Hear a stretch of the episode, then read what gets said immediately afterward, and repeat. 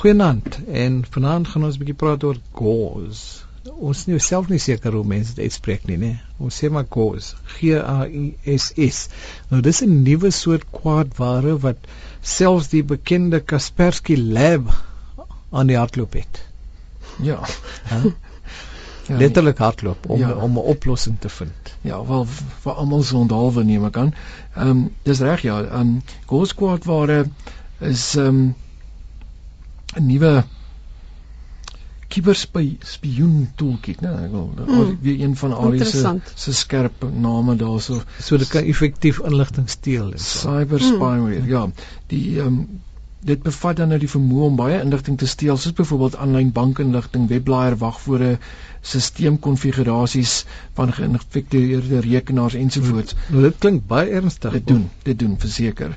Ehm um, Gous is so gevaarlik um, um, of wat dit so gevaarlik maak is dat niemand presies op hierdie stadium kan bepaal wat die doel en die funksie van die geïnkripteerde vrag van Gous is nie. So van letterlik van dit wat die virus amper as jy dit nou virus wil noem laai na jou rekenaar toe. Niemand het nog was nog by ehm um, het nog dit kon dit nog ontsyfer nie dekripteer nie ja hmm. ehm um, so ehm um, rekenaars word tipies geïnfekteer deur USB um, wat die kwaadware dan bevat en die kwaadware genereer dan 'n sleutel volgens die rekenaar se konfigurasie en die teenwoordigheid van sekere letters waarvan die eerste letter in byvoorbeeld Hebreëus of Arabies is en gebruik dan die sleutel om die kwaadware te dekripteer.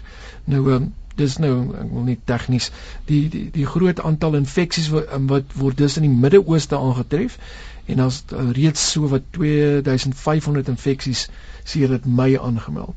So dis nog nie dis nog nie wat soms nou noem 'n wurm of uh, massief groot nie, maar dit is ja. definitief uh, so groot dat mense ja, uh, kennis dra daarvan. Ja, dis geskryf vir spesifieke rekenaars lyk like my. Ja, dit lyk so. Maar dit hmm.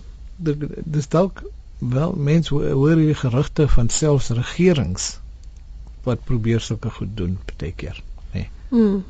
Wel enigiets is seker moontlik. So, uh, maar as iemand soos Kaspersky Lab hmm. een van die bekendste antivirus mense in die wêreld. Ja.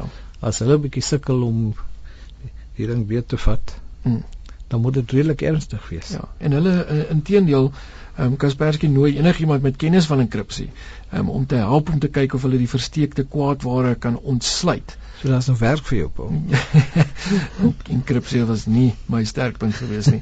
Ehm um, So ja, ehm um, die Kaspersky ehm um, lab werk aan saam met die Hongaarse lab Crisis um, om uh, hierdie krisis uh, te ehm um, aan te spoel om te kyk of hulle dit kan besmet of uh, om te kyk of jou rekenaar wel besmet ja. is. Hulle het seker op 'n uh, 'n pakket of iets vir jy kan aflei. Ja, net ja, maar hulle kan dit nog nie, hulle kan dit nog nie ontsmet nie, maar hulle kan aanlyn diens ja, om te kyk of of, of jou rekenaar besmet, besmet is. Ja, ja. of geïnfekteer is. Ek is altyd bang vir hierdie goeters want mense dink altyd maar as jy nou na hierdie webwerf gaan, gaan jy nie dan jou rekenaar besmet nie. So ja. ehm ja. um, maar dit is uh, maar dis in geval nie. Ja. ghost.crisis.hi Ja. Ah, is dan natuurlik Hongarye se ja. se En die crisis is nie die Engelse woord vir krisis nie, nee, dis gespel C R A S A S. Dis reg. Ja, en natuurlik hierdie webwerf sal dan ook beskikbaar wees op uh, RSG se webwerf by uh, Charlateit by www.rsg.co.za. En uh, daar sal dan 'n boodskap verskyn met die bewoording we are now testing your computer for gauze infection and Belida font installation. Um Maar dis so, hoekom sou hulle nou spesifieke font soek? Dit uh, lyk my dit as dit installeer is spesifiek daai Palida font. Ja. Is dit nou deel van hierdie eerste letter in Hebreëus of Arabies wat jy vroeër genoem het, Paul dalk? Ja, ek is bewus van presies wat dit doen. Ek sien dit doen dit. Ehm um, ek wil net sê vir interessantheid, daar 'n Engelse museum een keer. Die persoon wat die wat die ehm um, hulle stelsel hanteer het, is skielik oorlede en hulle het ook so op internet hackers gevra hulle moet hulle stelsel ontsluit kry.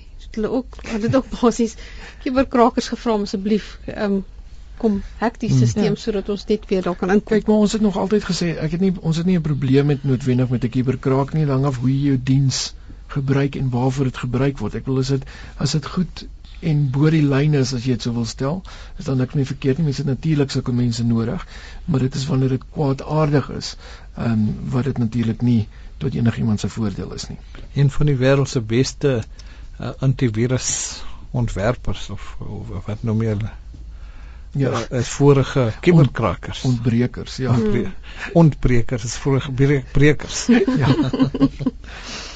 Nou maar goed, uh, daar is seker baie baie inligting oor die oor die kos. Ehm um, ja, wat, ek het maar net basies twee webwerwe hier gelys. Die een is www.computerworld.com. Ehm um, en weer 'n keer 'n lang webnaam, maar daar staan Kaspersky pleads for crypto help to probe cause malware. Ek kan nog wel uit die uit die en dan sal weer 'n artikel van PC Mag ook. Hmm, en die, al hierdie lang webwerwe kan jy kry op ons webwerf. Ja, gaan kyk gerus by www.rsg.co.za en uh, gaan kyk onder Chala tyd vir die rekenaarrubriek en uh, wees ook uh, neem die vrymoedigheid om vir ons 'n boodskap te stuur of enige vrae te vra of inlig met ons te deel um, en stuur vir ons 'n e-pos na rekenaar by rsg.co.za. En so 'n uh, e-pos het ons gekry van Johan wat 'n webwerf met inligting deel van 'n ja. nuwe soort enkripsie met 'n snaakse naam Marie. Ja.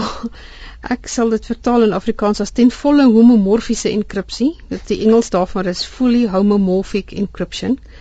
En die interessante is, hulle het nou lank gedink dat hierdie bestaan net in wetenskap fiksie. Dit lyk klink vir my nog steeds of dit net daar kan bestaan. So ek weet nie presies hoe dit werk nie.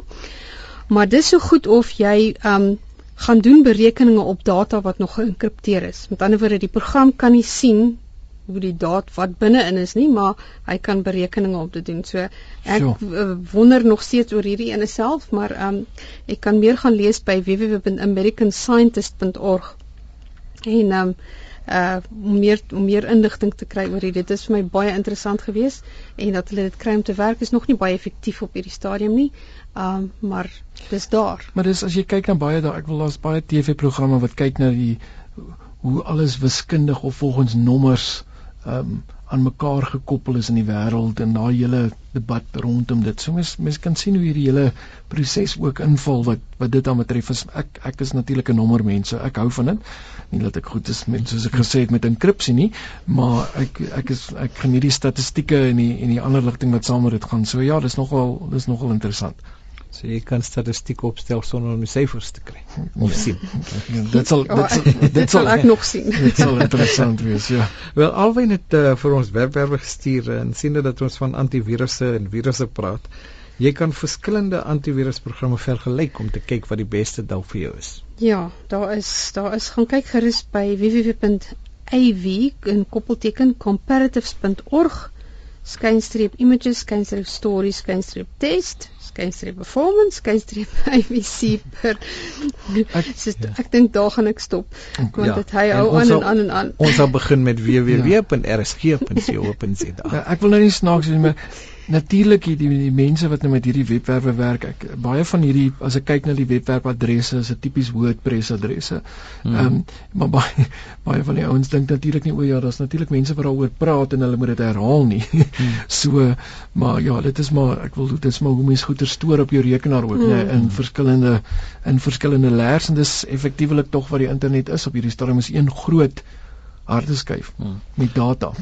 Goed. Ja. Nou Susan luister na ons in in Jeddah in ja. Saudi-Arabië oor die internet dalk en sy het 'n vraag oor DRM vrye liedjies.